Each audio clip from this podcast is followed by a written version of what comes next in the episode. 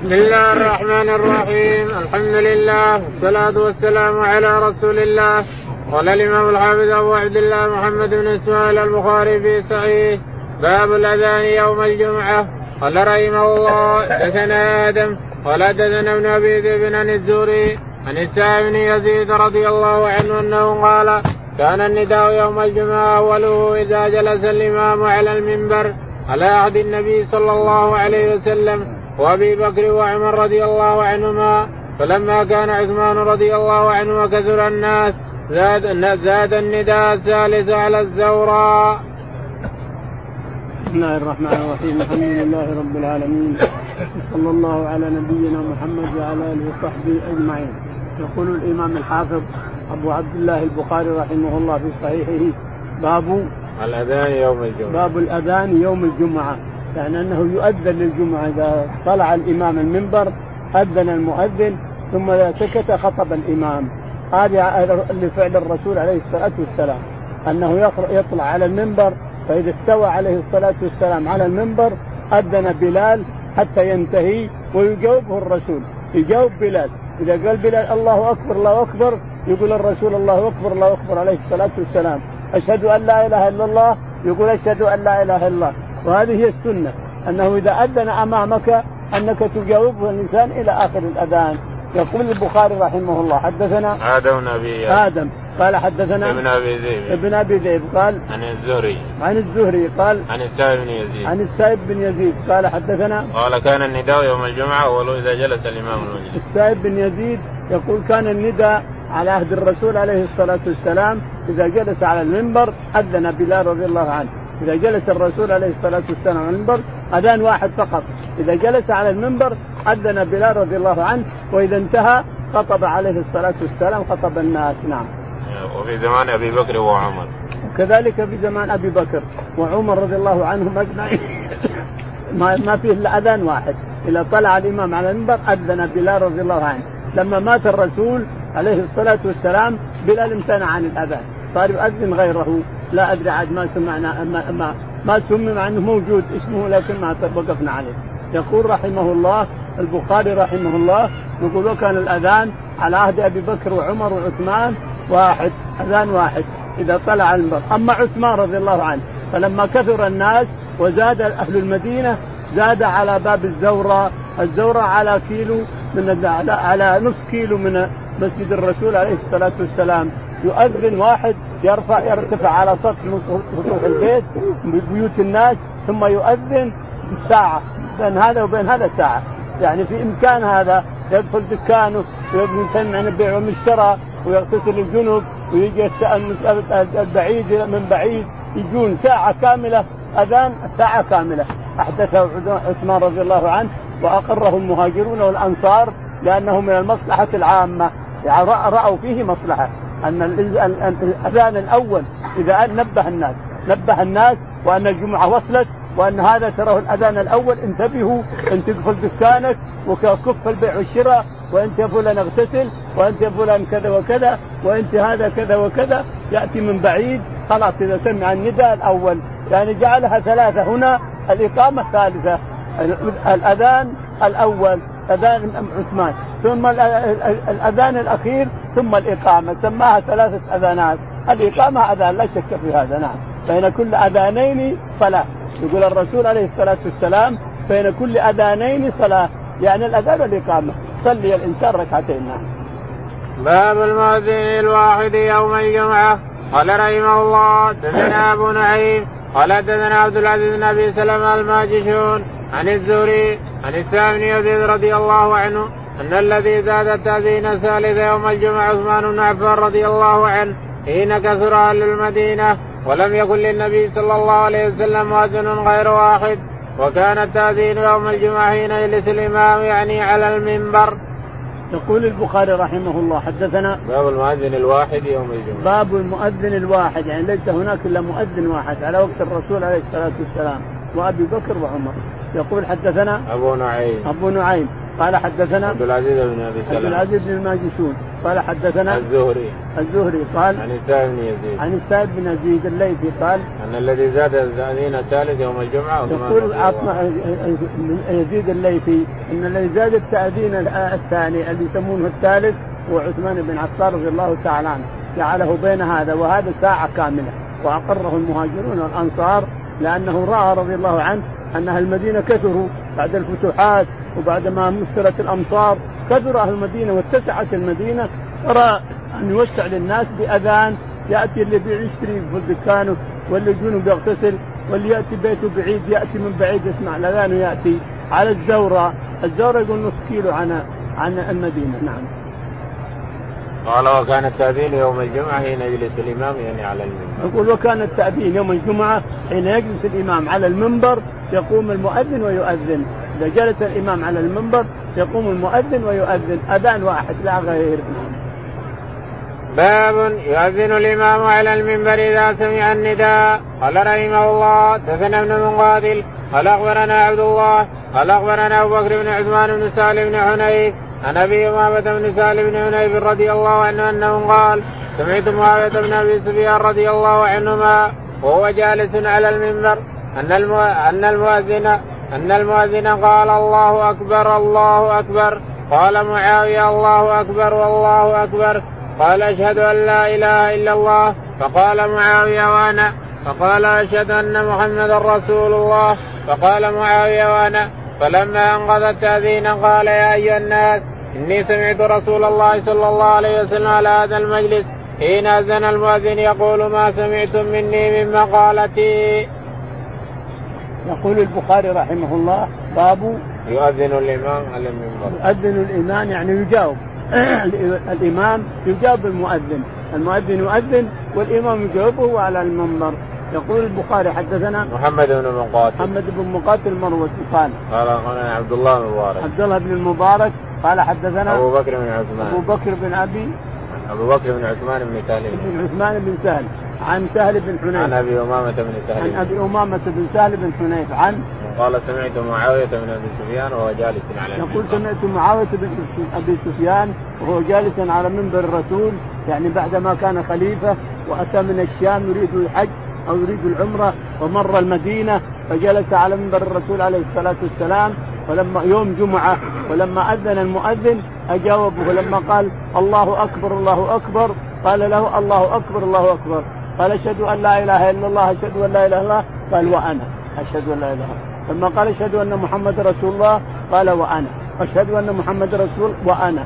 حتى قال حي على الصلاة حي على الفلاح إلى آخره ولما انتهى قال إني سمعت الرسول عليه الصلاة والسلام على هذا المنبر يقول كما قلت كما سمعتم. يقول وأنا وأنا وأنا يجاوب المؤذن بكلماته كلها حتى ينتهي. يعني إن الإمام يجاوب المؤذن. يجاوب لأنه يتحصل على أجر. إذا كل من جاوب المؤذن وقال ودعا الله الوسيلة للرسول عليه الصلاة والسلام حلت له الشفاعة. فإذا سواء قلت وأنا أو قلت أشهد أن لا إله إلا الله أشهد أن محمد رسول الله. أو قلت كما قال معاوية وأنا. لما يقول أشهد أن لا إله إلا الله تقول وأنا. أشهد أن محمد رسول تقول وأنا. هذا ما رواه معاوية عن النبي عليه الصلاة والسلام. نعم. باب الجلوس على المنبر عند التأذين قال رحمه الله دثنا يحيى بن بكير. قال دثنا الليث عن عقيل بن شهاب. أن السائب بن يزيد رضي الله عنه أخبره أن التأذين الثاني يوم الجمعة مر به عثمان. حين كثر أهل المسجد وكان التأذين يوم الجمعة حين يجلس الإمام. يقول البخاري رحمه الله حدثنا باب الجلوس على المنبر عند التأذين. باب الجلوس على المنبر عند التأذين. يعني ما يؤذن حتى يجلس الإمام على المنبر. ما يؤذن المؤذن حتى يجلس الإمام على المنبر ويقول السلام عليكم يقوم الإمام المؤذن ويؤذن. يقول البخاري حدثنا يحيى بن بكير. يحيى بن بكير قال حدثنا الليث بن سعد. الليث بن سعد. قال عن عقيل بن خالد. عن عقيل بن خالد. عن ابن شهاب. عن ابن شهاب الزهري. عن السائب بن يزيد. عن السائب بن يزيد الليثي. قال قال أن التأذين الثاني يوم الجمعة أمر به عثمان حين قال إن التأذين الثاني يوم الجمعة أمر به عثمان بن عفان رضي الله عنه حينما كثر الناس وفتحت الفتوحات أمر به عثمان بن عفان على الزورة كما سبقنا. باب التأذين عند الخطبة. قال رحمه الله دثنا محمد بن مقاتل قال أخبرنا عبد الله. قال أخبرنا يونس بن الزهري. قال سمعت سعد بن يزيد رضي الله عنه يقول إن الأذان يوم الجمعة كان اوله حين يجلس الإمام يوم الجمعة على المنبر في عهد رسول الله صلى الله عليه وسلم وأبي بكر وعمر رضي الله عنهما. فلما كان في خلافة عثمان رضي الله عنه وكسروا أمر عثمان يوم الجمعة بالأذان الثالث فوزن به على الزوراء فثبت الأمر على ذلك.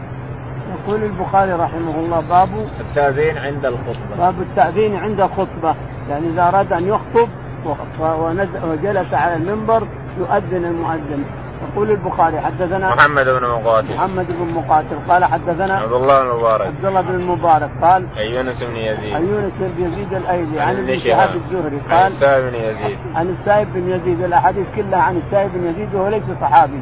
من التابعين.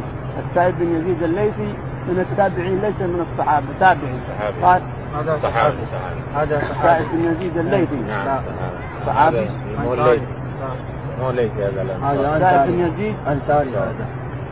طيب قول. قال يقول إن الأذان يوم الجمعة كان أوله حين يجلس الإمام يوم الجمعة على المنبر. يقول إن الأذان يوم الجمعة كان حين يجلس الإمام على المنبر. إذا جلس الإمام على المنبر أذن المؤذن. يعني أن المؤذن ما يؤذن حتى يجلس الإمام على المنبر ويسلم على الناس ثم يؤذن المؤذن. نعم. أبي بكر وعمر ولما, ولما جاءت خلافه عثمان صار مؤذنين نعم باب الخطبة على المنبر. وقال أنس رضي الله عنه خطب النبي صلى الله عليه وسلم على المنبر. قال رحمه الله دثنا قتيبة بن سعيد. قال دثنا يعقوب بن عبد الرحمن بن محمد بن عبد الله بن عبد القاري القرشي الإسكندراني. قال دثنا أبو حازم بن دينار أن رجالا اتوا سهل بن سعد رضي الله عنه وقد امتروا في المنبر مما عوده فسالوا عن ذلك فقال والله إني لاعرف مما هو ولقد رأيت أول يوم وضع وأول يوم جلس عليه رسول الله صلى الله عليه وسلم.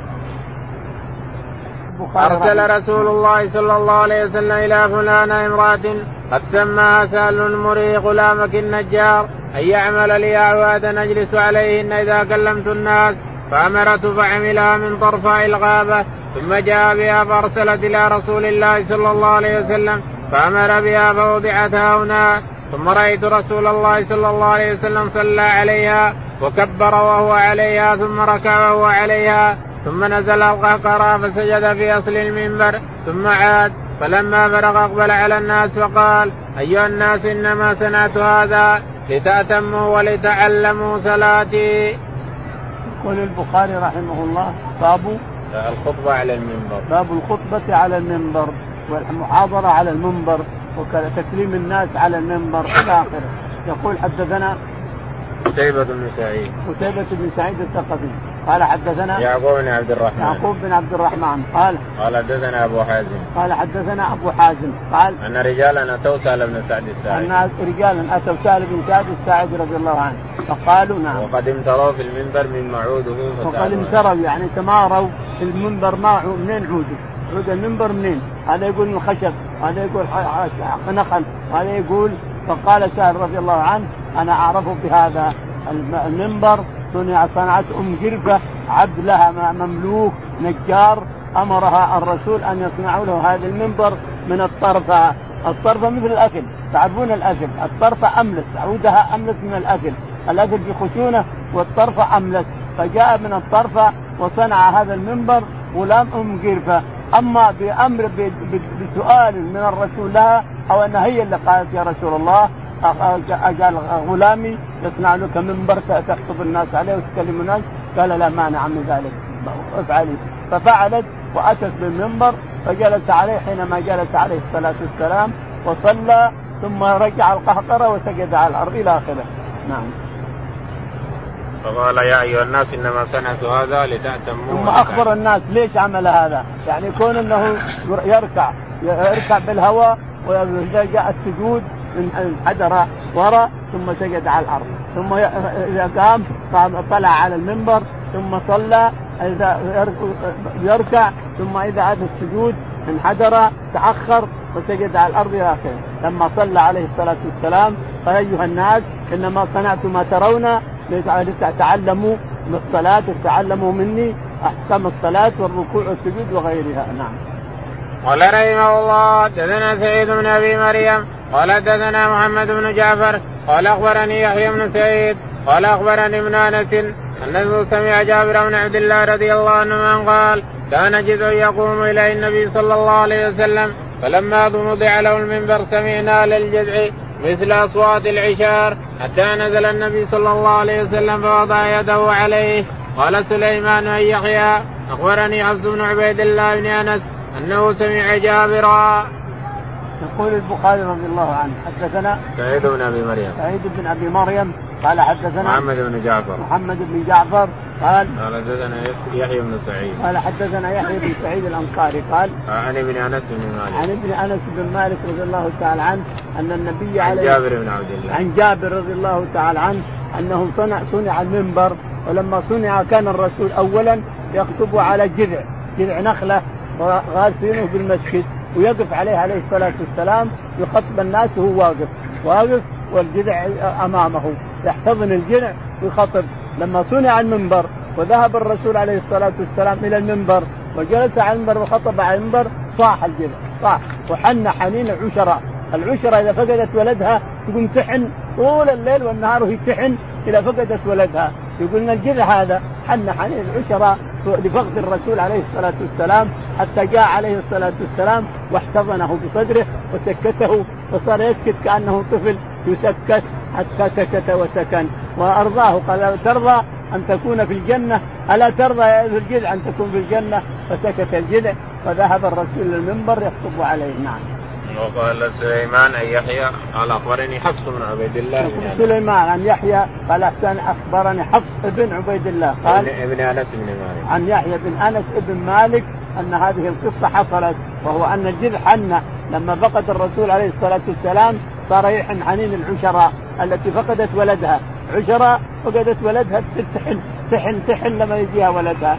فصار يحن الجذع فنزل عليه الرسول عليه الصلاة والسلام من المنبر فاحتضنه حمه على صدره وقال لا ترضى أن تكون في الجنة فسكن الجذع وصار يسكن كما يسكن الطفل نعم. قال رحمه الله دثنا آدم قال دثنا ابن أبي ذئب عن الزهري عن سالم بن النبي رضي الله عنه أنه قال سمعت النبي صلى الله عليه وسلم يخطب على المنبر فقال من جاء إلى الجمعة فليغتسل. يقول البخاري رحمه الله حدثنا آدم بن أبي آدم بن أبي قال حدثنا ابن أبي ذئب ابن أبي ذئب قال عن الزهري. عن الزهري عن سالم بن عبد الله. عن سالم بن عبد الله رضي الله عنهم قال قال سمعت النبي صلى الله عليه وسلم يخطب على المنبر فقال من جاء عن ابيه اي نعم النبي عن عبد الله بن عمر رضي الله عنه قال سمعت الرسول عليه الصلاة والسلام يخطب على المنبر. نعم. فقال من جاء إلى الجمعة فليغتسل قال من جاء إلى الجمعة. الرسول عليه الصلاة والسلام يقول ابن عمر سمعت الرسول عليه الصلاة والسلام يقول من جاء إلى الجمعة فليغتسل. يعني بتكرار لما مضى أحسن. أنه واجب غسل الجمعة واجب إلى آخره. وهنا يقول من أتى إلى الجمعة فليغتسل.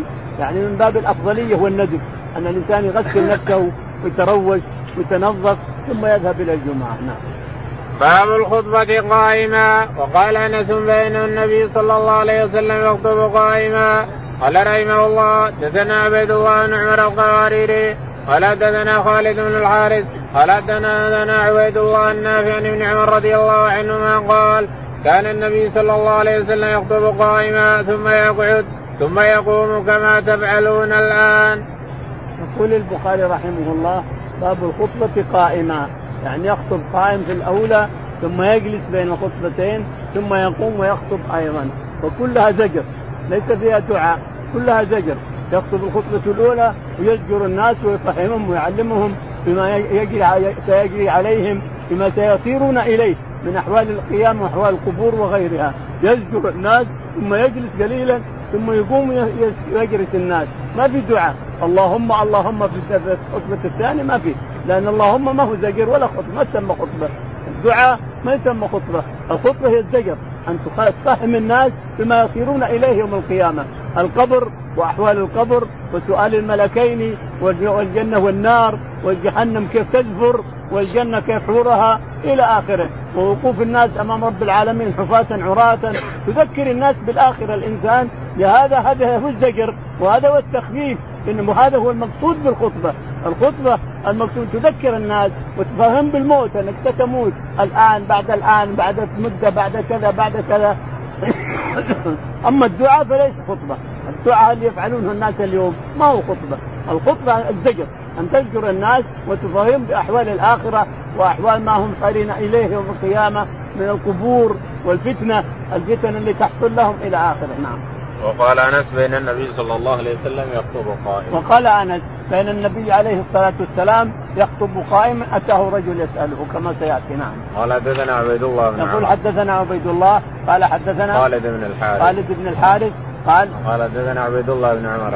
عبيد الله بن عمر العمري عن نافع عن ابن عمر أن النبي عليه الصلاة والسلام كان يخطب قائما نعم. كان يخطب قائما ثم يقعد ثم يقوم كما تفعلون. كان كان يخطب قائما ثم يجلس جلسة الاستراحة عن بين خطبتين ثم يقوم ويخطب الخطبة الثانية عليه الصلاة والسلام. كما تفعلون أنت. ابن عمر يقول كما تفعلون اليوم. نعم. باب يستقبل الإمام القوم واستقبال الناس الإمام. إذا خطب واستقبل ابن عمر وأنس رضي الله عنهم الإمام قال رحمه الله دثنا معاذ بن فضالة قال دثنا هشام بن يحيى عن هلال بن أبي ميمون قال دثنا عطاء بن يسار أنه سمع سيدنا أبا سعيد الخدري رضي الله عنه قال إن النبي صلى الله عليه وسلم جلس ذات يوم على المنبر وجلسنا حوله. يقول البخاري رحمه الله باب يستقبل الإمام القوم يستقبل الإمام، الإمام يستقبل الناس والناس يستقبلون الإمام، يعني إذا طلع الإمام على المنبر المفروض أن الناس كلها عيونهم وأبصارهم إلى الإمام، ينظرون وش يقول الإمام، والإمام عيونه وبصره إلى الجماعة الذي يخطبهم، يقول البخاري. واستقبل ابن عمر وأنس رضي الله عنهم استقبل ابن عمر وأنس الخطيب الذي يخطب عليهم رضي الله عنهم وأرضاهم. نعم. قال حدثنا معاذ بن فضالة. يقول حدثنا معاذ بن فضالة. قال حدثنا هشام. هشام. قال حدثنا يحيى. يحيى. قال عن هلال بن أبي ميمون. عن هلال بن أبي عساف قال قال حدثنا عطاء بن يسار. قال حدثنا عطاء بن يسار. بن يسار. نعم. عن أبي سعيد الخدري. عن أبي سعيد الخدري رضي الله تعالى عنه. قال النبي صلى الله عليه وسلم جلس ذات يوم على المنبر وجلسنا حوله. يقول النبي عليه الصلاة والسلام جلس ذات يوم على المنبر وجلسنا حوله. يعني يعظهم ويذكرهم وليست خطبة. إنما جلس يوم المنبر وجلسنا حوله. أو أنها خطبة أو أن الرسول يخطبهم وهم جالسين حوله. يعني هم يطالعون فيه وهو يطالع فيهم عليه الصلاة والسلام. نعم.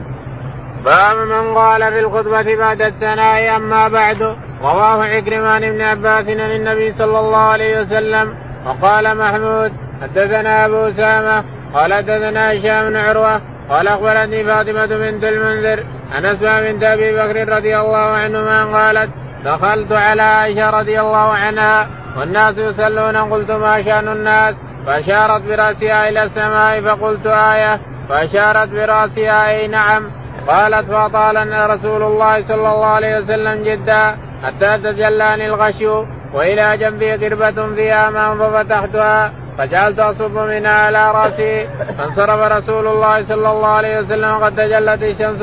فخطب الناس وحمد الله بما والوا ثم قال أما بعد قالت ولقيت نسوة من الأنصار فانكفأت اليهن ليسكتهن فقلت لعائشة ما قال قالت ما قالت قال ما من شيء لم أكن اريته إلا قد رأيته في مقامي هذا حتى الجنة والنار. وإني قد أوحي إنه وإني قد أوحي إلي أنكم تفتنون في القبور مثل أو قريبا من فتنة المسيح الدجال يؤتى أحدكم فيقال له ما علمك بهذا الرجل؟ فأما المؤمن أو الموقن شك هشام فيقول هو رسول الله هو محمد جاءنا بالبينات والهدى فآمنا وأجبنا واتبعنا وصدقنا فيقال له نم صالحا قد كنا نعلم إن كنت لتؤمن به. وأما المنافق والمرتاب شك هشام فيقال له ما علمك بهذا الرجل؟ فيقول لا أدري. سمعت الناس يقولون شيئا فقلت قال هشام فلقد قالت لي فاطمة فأوعيت غير انها ذكرت ما ما يقلد عليه. يقول البخاري رحمه الله باب من قال في الخطبة بعد الثناء أما بعد. باب من قال في الخطبة بعد الثناء على الله أما بعد. أول من قال قسم من قال أما بعد قسم بن أول من قال أما بعد قسم بن ساعدة الذي كان يخطب في عكاظ بأيام الجاهلية قبل يبعث الرسول عليه الصلاة والسلام. أول من قال أما بعد قس بن ساعده يقول البخاري رحمه الله. رواه عكرمة عن ابن عباس. رواه عكرمة عن ابن عباس. نعم. عن النبي صلى الله عليه وسلم. عن النبي عن الرسول قال أما بعد عليه الصلاة والسلام كما سيأتي. وقال محمود حدثنا أبو أسامة. وقال محمود بن غيلان حدثنا أبو أسامة. أبو أسامة قال حدثنا هشام بن عروة. هشام بن عروة قال قال أخبرتني فاطمة بنت المنذر. قال أخبرتني فاطمة زوجته. هشام بن عروة وفاطمة بنت المنذر زوجته. قال كلهم جدتهم أسماء رضي الله عنها أجمعين. قالت عن أسماء بنت أبي بكر. عن أسماء جدتها. عن بنت أبي بكر الصديق رضي الله تعالى عنه أنها دخلت المسجد والناس يصلون والرسول يقرأ بالنهار. الشاهد بالنهار يقرأ ما هي عادة يقرأ. فاشارت إلى عائشة ما هذا؟ فأشارت إلى السماء. آية؟ يعني فقالت فقالت نعم آية.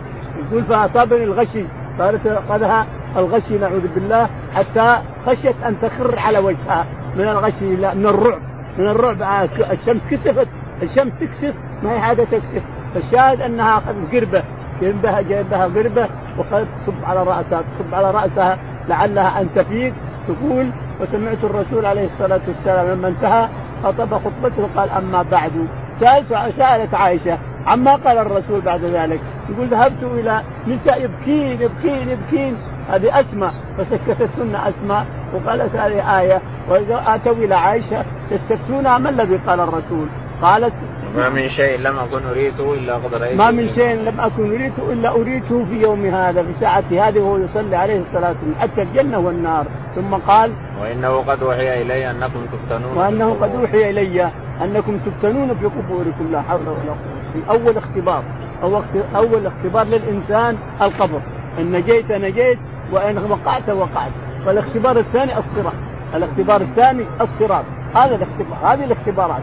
أول اختبار لك الآدمي أول اختبار القبر. انظر أن تنجو ولا تقع؟ وثاني اختبار الصراط. أن تنجو من الصراط أو تقع. الشاهد يقول إنكم تفتنون في قبوركم فتأتي الملائكة إذا وضع في قبره وتربع هكذا. تقول له الملائكة ما ما علمك بهذا الرجل؟ فيقول هو نبينا محمد صلى الله عليه وسلم أتانا بالبينات والهدى فآمنا وأجبنا. فآمنا وأجبنا واتبعنا. قالوا فقد نعلم أنك تؤمن به وأنك صالحا. نفس صالح. فقد نعلم أنك تؤمن به. وأما المنافق قال أو المرتاب شك. قال فيقول ها ها لا أدري. سمعت الناس يقولون شيئا فقلته يقول ابن مسلم رحمه الله ويضرب بمرزبة من حديد يغيث في آخر الأرض السابعة السفلى ثم تلفظه وكنت أبغضك وأنت على ظهري فكان اليوم في بطن اخرج فيخرج ويضيق عليه قبره نعوذ بالله حتى تختلف اضلاعه كما ورد في حديث المسند الموصلي نعم. قالت لي فاطمة فوعيت غير انها ذكرت ما يغلظ عليه. تقول فاطمة فوعيت إلا انها ذكرت ما يغلظ عليه إنه يغلظ عليه المنافق أو المرتاب يغلظ عليه في قبره يعني يضرب بمرزبة إذا لم يجاوب يضرب بمرزبة من حديد نعم. قال رحمه الله حدثنا محمد بن معمر قال حدثنا أبو عاصم جرير بن حازم قال سمعت الحسن يقول حدثنا عمرو بن تغلب رضي الله عنه أن رسول الله صلى الله عليه وسلم أتي بمال أو سبيل فقسمه فأعطى رجالا وترك رجالا فبلغوا أن الذين ترك عتبوا فحمد الله ثم أثنى عليه ثم قال أما بعد فوالله إني لوعت الرجل وادعو الرجل والذي أدعو أحب إلي من, من الذي أعطي ولكن أعطي أقواما لما أرى في قلوبهم من الجزاء والهلاء وأكل أقواما إلى ما جعل الله في قلوبهم من الغنى والخير فيهم عبر بن تغلبة فوالله ما أحب أن لي بكلمة رسول الله صلى الله عليه وسلم حمر النعم تابعه يونس.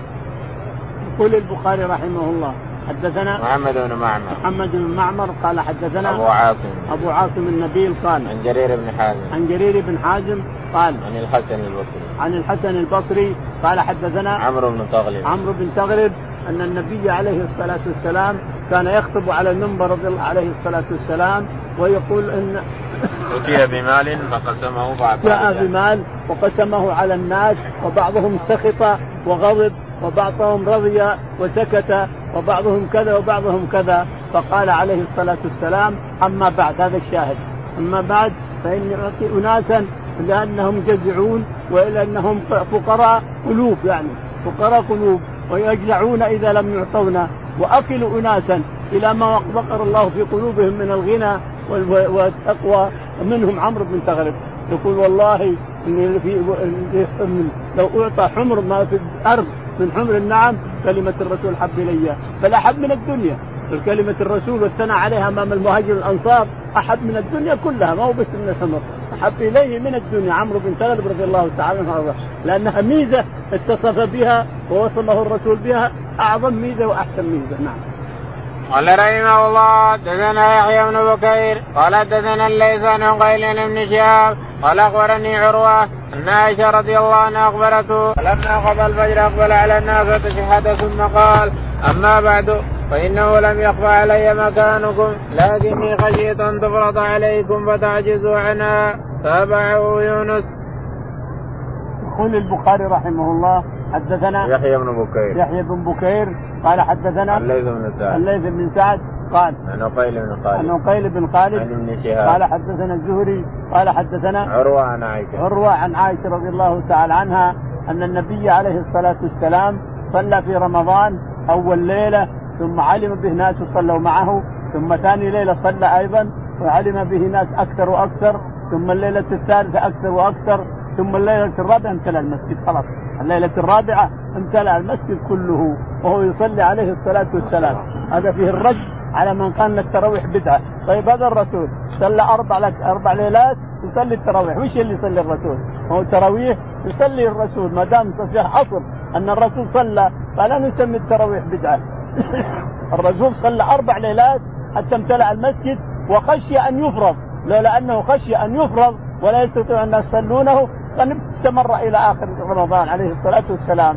لكن خشي أن ينزل فرض ولا يستطيع الناس يصلون التراويح. ما استطاعوا يصلون الفروض خمسة فروض. فكيف لو فرضت التراويح؟ الشاهد أنه لما صلى الفجر في الليلة الرابعة انصرف إليهم وقال أما بعد هذا الشاهد. أما بعد فإني لم يخفى علي مكانكم في الليلة. ولكني خشيت أن يفرض عليكم فتعجزوا عنه. ما تستطيعون. تقومون الليل كل الليل تراويح تراويح تراويح ما تستطيعون. أنتم أحيانا تعجزوا عن الفروض الخمسة فكيف لو فرض التراويح؟ يعني ما دام عليه الصلاة والسلام حيا ما يقدر أن يشق على أمته لئلا يفرض الشيء عليه من السماء فتستطيع الأمة. فاختفى عليه الصلاة والسلام وكلمهم الفجر. قال لم يخفى علي مكان أما بعد لم يخفى علي مكانكم ولكني خشيت أن يفرض عليكم فلا تستطيعون أن تقيموا به، ما تستطيعون أن تقوموا به، فالشاهد أن أصل التراويح وأصل صلاة الليل أول الليل كان من الرسول عليه الصلاة والسلام وليس بدعة كما يزعم بعض المتنطعين، ليس بدعة، الرسول صلاه فمعناها أنه له أصل لكن كنا نجعل ثلاثين أو أربعين أو ستة ثلاثين كما يقول مالك أو ثلاث وعشرين كما يقول عمر رضي الله عنه أو كذا هذا كله باجتهاد من المسلمين وإن شاء الله أنه صواب كله. اللي يصلي عشرين ركعة كما أمر عمر فهو مقتدي بالرسول؟ لأن الرسول عليه الصلاة والسلام قال اقتدوا اقتدوا بهذين أبي بكر وعمر. اقتدوا بالذين من بعدي الاثنين أبي بكر وعمر. فإن سنتهما من سنة الرسول عليه الصلاة والسلام. فما فما فعله عمر نحن نفعله لأنه من سنة الرسول عليه الصلاة والسلام. وما فعل أبي بكر كذلك. فالشاهد أن عشرين ركعة سنها عمر بن الخطاب هذا لا شك أنه من سنة الرسول عليه الصلاة والسلام لأن الرسول صلى أربع ليلات يصلي التراويح فهو فليس بدعة ولا شيء. يصلي الإنسان عشرين ركعة وتصلي ثلاث مع مع الإمام. فيصلي ركعتين ويسلم ثم يصلي ركعة ويسلم. هذا الوتر الثلاث تسمى وتر. وأما العشرين ركعة هذا يسمى قيام ليل. تراويح يسمى قيام ليل. فيصلي المسلم ويتبع سنة الرسول عليه الصلاة والسلام. أحسن لك. بعضهم يقول لا ما صلى 13 بعضهم يقول ما صلي إلا 11 أنت حر. لكن عمر بن الخطاب ما فرض شيئا بدعة. فرض شيئا من سنة الرسول عليه الصلاة والسلام. نعم.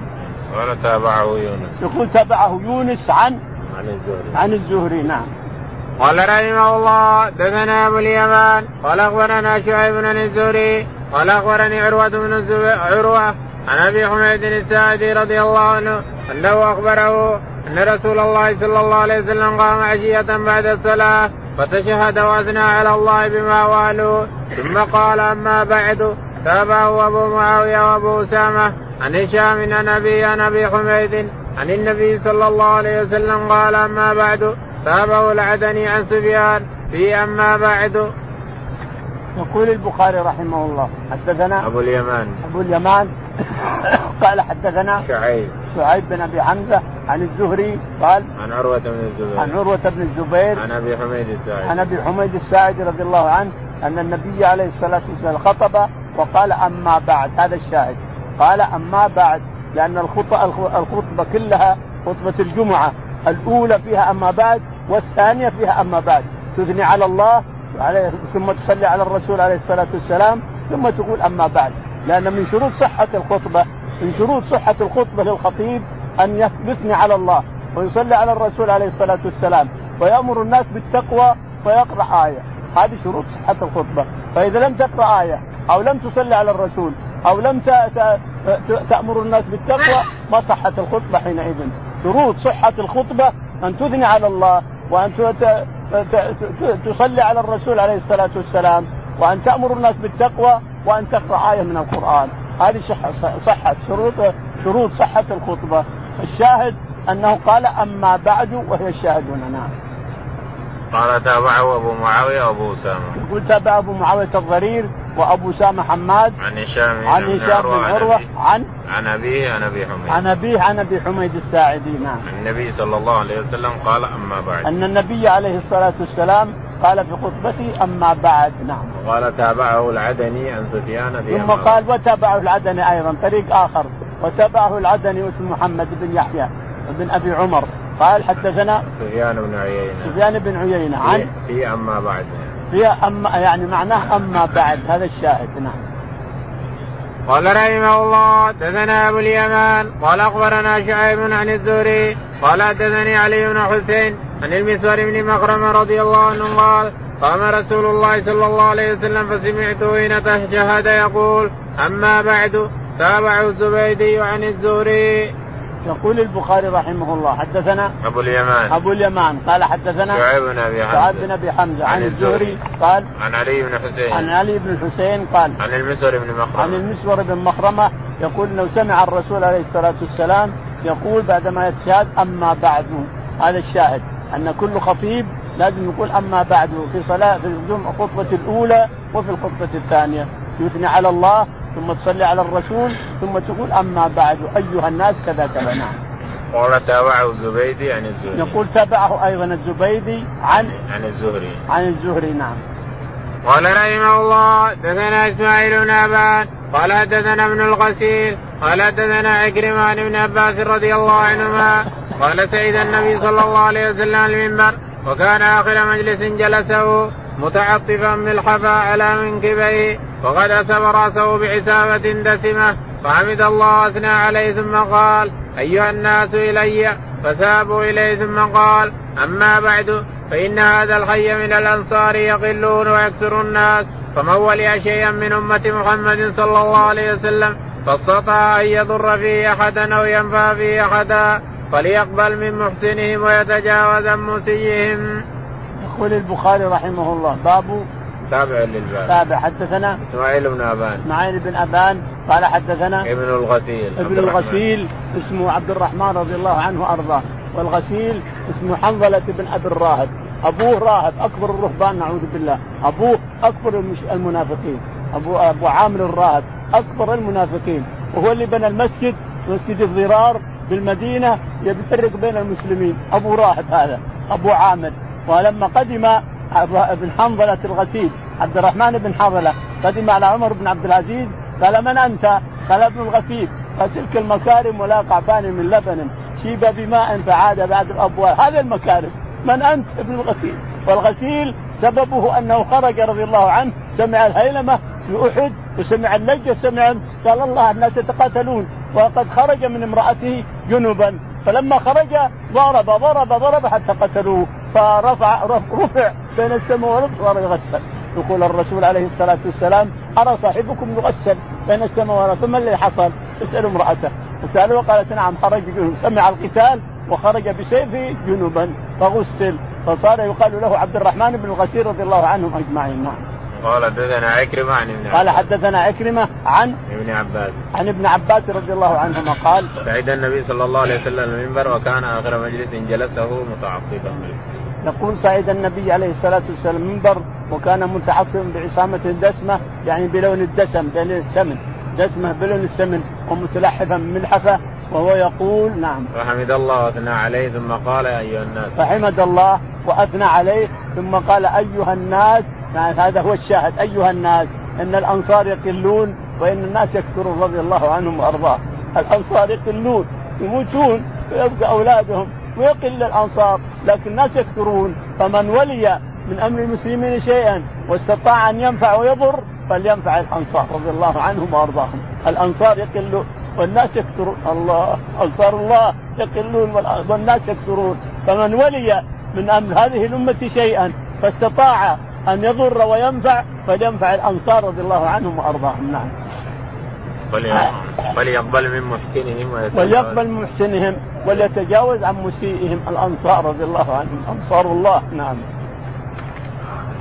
باب القعدة بين الخطبتين يوم الجمعة. قال رحمه الله دثنا مسدد. قال حدثنا بشر بن المفضل. قال حدثنا عبيد الله النافي عن عبد الله رضي الله عنه قال كأن النبي صلى الله عليه وسلم يخطب خطبتين يقعد بينهما. يقول البخاري رحمه الله باب القعدة وتسمى الجلسة بين الخطبتين، باب الجلسة باب القعدة يخطب الأولى ثم يجلس يتنفس شوية ثم يقوم يخطب الثانية، باب الجلسة بين السجدتين بين خطبتين أو تقول باب القعدة بين الخطبتين، حدثنا مسدد. مسدد قال حدثنا بشر بن المفضل. بشر بن المفضل قال قال حدثنا عبيد الله بن عمر. عبيد الله بن عمر قال عن نافع عن ابن عمر. عن نافع عن ابن عمر أن النبي عليه الصلاة والسلام كان يخطب خطبة الأولى ثم يجلس ثم يقوم ويخطب الخطبة الثانية عليه الصلاة والسلام. نعم. باب الاستماع إلى الخطبة. قال رحمه الله دثنا آدم. قال دثنا ابن أبي ذؤب عن الزهري عن أبي عبد الله الأغر عن أبي هريرة رضي الله عنه قال كان النبي صلى الله عليه وسلم إذا كان يوم الجمعة وقفت الملائكة على باب المسجد يكتبون الأول فالأول ومثل المهجر كمثل الذي يؤتي بدنه ثم كالذي يؤتي بقرة ثم كبشا ثم دجاجة ثم بيضة فإذا خرج الإمام طاوا صحفهم ويستمعون الذكر. يقول البخاري رحمه الله حدثنا باب الاستماع إلى الخطبه باب الاستماع إلى الذكر حدثنا آدم بن أبي آدم.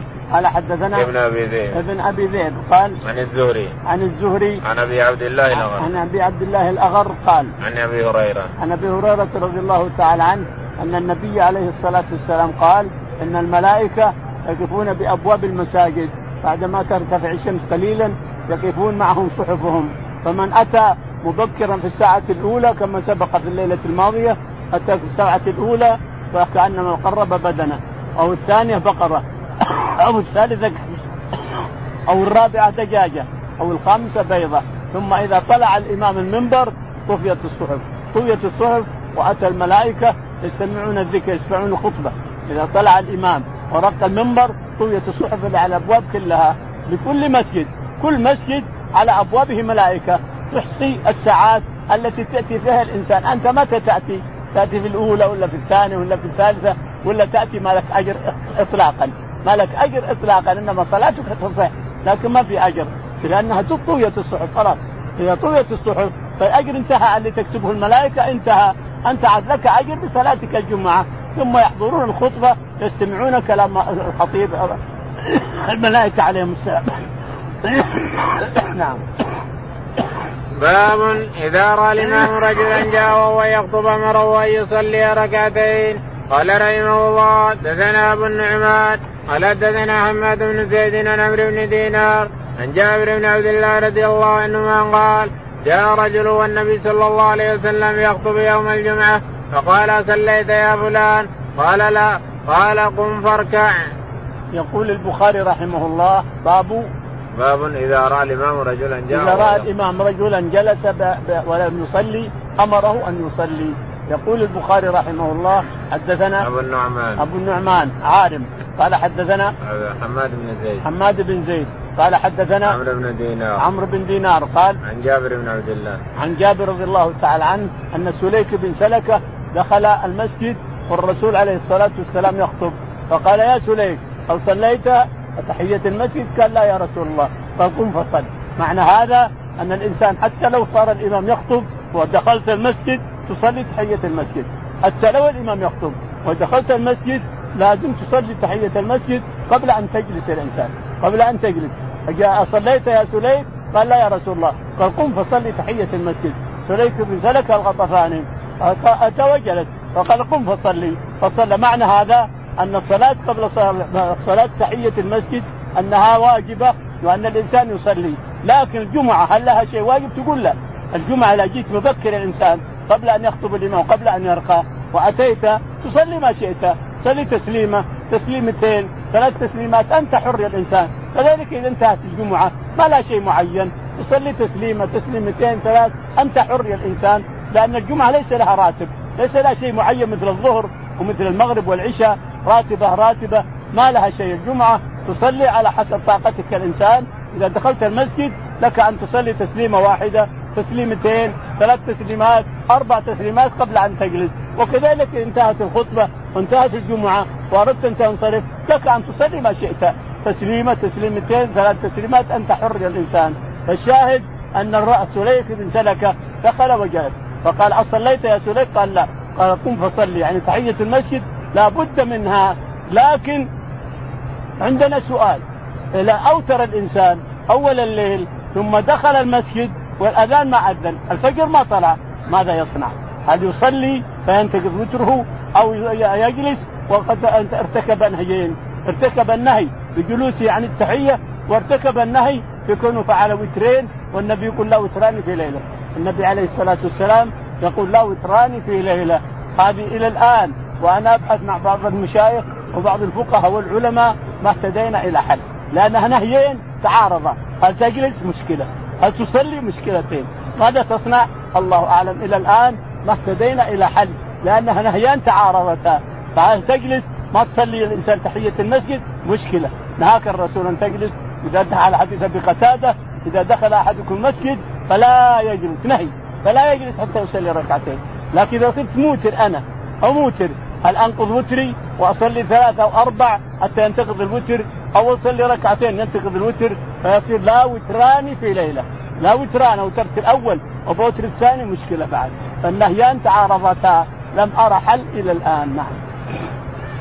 باب من جاء والإمام يخطب صلى ركعتين خفيفتين. قال رحمه الله دثنا علي بن عبد الله قال دثنا سفيان عن عمرو إنه سمع جابر رضي الله عنه قال دخل رجل يوم الجمعة النبي صلى الله عليه وسلم يخطب فقال صليت قال لا. قال فصل ركعتين. يقول البخاري رحمه, رحمه الله مؤكدا ما سبق حدثنا باب من جاء والإمام يخطب باب من جاء والإمام يخطب يصلي ركعتين. يعني لا يجلس. حدثنا علي بن عبد الله. علي بن عبد الله. قال حدثنا سفيان بن عيينة. سفيان بن عيينة. قال عن عمرو بن دينار. عن عمرو بن دينار. قال عن جابر بن عبد الله. عن جابر رضي الله تعالى عنه أن سليك بن سلكة دخل المسجد والنبي عليه الصلاة والسلام يخطب على المنبر فجلس. فقال له يا سليك هل صليت؟ قال لا يا رسول الله. قال قم فصل ركعتين قبل أن تجلس يعني معنى هذا أن للإمام أن يكلم الناس والناس لهم أن يكلموا الإمام. فقد دخل رجل والنبي عليه الصلاة والسلام يخطب قال يا رسول الله أبغى كذا وأبغى كذا وأبغى كذا. هذا فنزل الرسول ودعا بكرسي وجلس على الكرسي وصار يعلم الرجل ما سأل عنه. يعلم الرجل وهو يخطب. قال يا رسول الله أريد ان تعلمني كذا وكذا وكذا. فنزل عليه الصلاه وترك الخطبة ونزل على الكرسي وصار يعلم الرجل ما قد هذه قضية. القضية الثانية دخل رجل والنبي عليه الصلاة والسلام يخطب. فقال يا رسول الله هلك الكراع وهلكت الماشيه وهلك كل شيء اسال الله أن يسقينا. فمد يديه إلى السماء وطلب وأتى المطر. جاء في الجمعة الثانية يا رسول الله امتنعت السبل وامتنع الناس من كثرة المطر فدعا ربه أن يحيزها عنهم فرفعها الله عنهم إلى آخره، الشاهد أن الناس إنسان يكلم الإمام والإمام يكلم الناس لا بأس بذلك حتى هو يخطب. حتى هو يخطب أنت تكلم الإمام يقول أيها الرجل أو أيها الإمام حصل كذا وكذا وكذا وهو يكلمك أيضا. جائز هذا. لكن أنت تكلم هذا أو تكلم ممنوع. نعم. باب رفع اليدين في الخطبه قال رحمه الله دثنا مسدد قال دثنا حماد بن زيد عن عبد العزيز عن أنس وعن يونس ثابت عن أنس رضي الله عنه قال بينما النبي صلى الله عليه وسلم يخطب يوم الجمعة فقام رجل فقال يا رسول الله هلك القرى وهلك الشاء فدوا الله يسقينا فمد يديه ودعا. يقول البخاري رحمه الله باب مد اليدين في الدعاء يعني حتى وان تخطب الإنسان حتى وان تصلي تمد يديك في الدعاء لكن في الفريضة وأنت تصلي ما تمد يديك فوق وأنت تصلي. إنما إذا سلمت تمد يديك وتدعو ربك بعد ما تسلم. السلام الجميل والسلام اليسار تمد يديك وتدعو ربك تعالى وتقدس ثم تمسح وجهك بيديك. كما ورد عن عمر وأبي موسى الأشعري وعائشة رضي الله عنها. ورد ثلاثة أحاديث أن النبي عليه الصلاة والسلام كان يرفع يديه ويدعو ربه ثم يمسح يديه بوجهه. ورد ثلاثة أحاديث. عن عمر بن الخطاب وعن أبي موسى الأشعري وعن عائشة رضي الله عنهم أجمعين. نعم. قال حدثنا مسدد. حدثنا مسدد. قال حدثنا حماد بن زيد. حماد بن زيد. قال حدثنا عبد العزيز بن صهيب. عبد العزيز بن صهيب. قال عن أنس بن مالك. عن أنس رضي الله تعالى عنه. ثم حول السند. ثم حول فقال حدثنا يونس بن يزيد. يونس بن يزيد. قال حدثنا ثابت البناني. ثابت البناني. قال عن أنس بن مالك. عن أنس رضي الله تعالى عنه. قال النبي صلى الله بينما النبي صلى الله عليه وسلم يخطب يوم الجمعة إذ قام رجل فقال يا رسول الله هلك القرى وان يقول أنس بينما الرسول عليه الصلاة والسلام يخطب الجمعة دخل ما هو قام. هنا يقول قام. لكن الشاهد أنه ورد سيأتي أن الرجل دخل من باب المسجد وقال يا رسول الله هلكت المواشي وهلك الكراع وهلك الناس من العطش. من العش ما في عش من المرعى ما في مرعى. فمد عليه الصلاة والسلام يديه إلى السماء ودعا ربه حتى قال أمطر المطر قبل أن نخرج من المسجد. قبل أن نخرج حتى القزعة وأمطرت السماء وبقيت السماء تمطر أسبوع أسبوع جاء الرجل بنفسه وقال يا رسول الله الاوديه مشت وتقطعت السبل فإذا الله أن يزعل يشيع عنا المطر ما نبي تعالى الله. أمس تقول نبي مطر واليوم تقول ما نبيه انظر. الآدمي يجزع من الخير والشر. والله أعلم. اللهم اهدنا فيمن هديت وعافنا فيمن عافيت وتولنا فيمن توليت. اللهم توفنا مسلمين والحقنا بالصالحين.